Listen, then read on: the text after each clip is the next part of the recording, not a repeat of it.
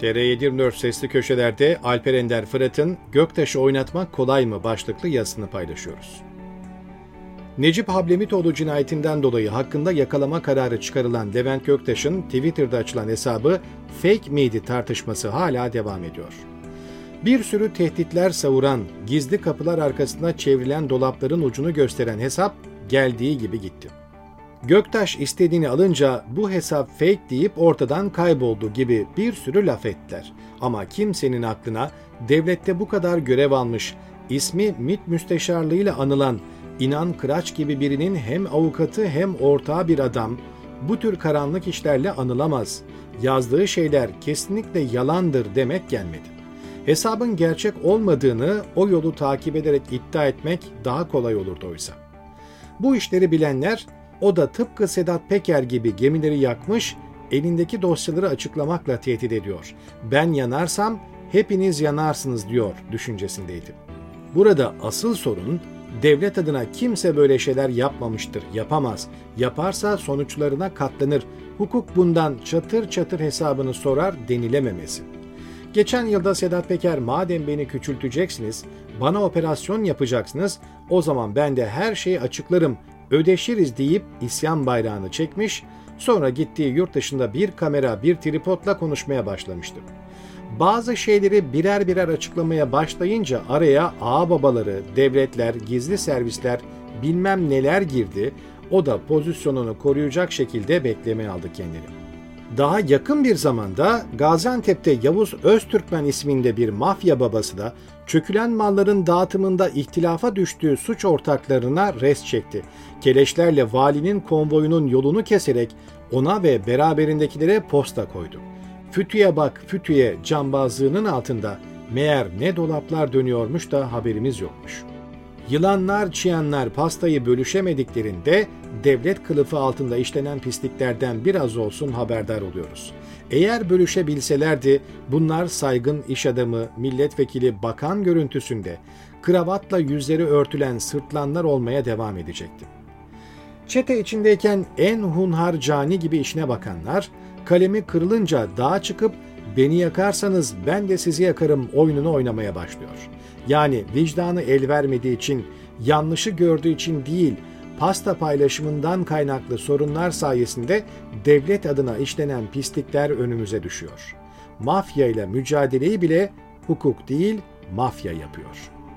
Bu ifşaların, itirafların, ortaya dökülen pisliklerin ülkeyi boğduğu, nefessiz hale getirdiği bir zamanda bile ülkenin konuştuğu konu fütü fütü. Vay efendim falan adamın oğlunun kayınbiraderinin eniştesi falan okullara gitmiş ama adam hala görevdeymiş de fütüyle mücadele safsaklanıyormuş. Ülkede ne kadar katil, ne kadar mafya, ne kadar kadın satıcısı, şikeci, ahlaksız varsa hepsi fütüyle mücadelenin en büyük fedaileri. Bugünün temel anlayışı şu. Ben yanarsam siz de yanarsınız. Yanmazsam sorun yok. Gelin pislikler üzerine ittifakımızı devam ettirelim. Levent Göktaş bir günlük sosyal medya macerasıyla alacağını alıp ortalıktan kaybolmuşa benziyor. O taşı kaldırmak, altındaki bütün eracifle muhatap olmak anlamına geliyor ki bu pislik ülkeyi yöneten herkese bir şekilde bulaşmış durumda.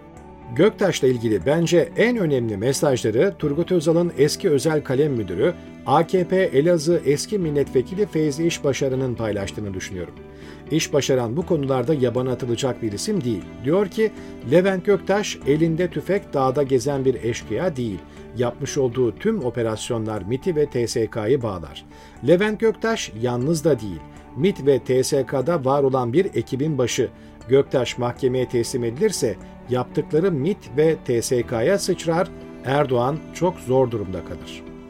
Levent Göktaş meselesinin sadece Habnemitoğlu cinayetinin aydınlatılmasıyla bitmeyeceğini, listenin uzayıp gideceğinden bahsediyor.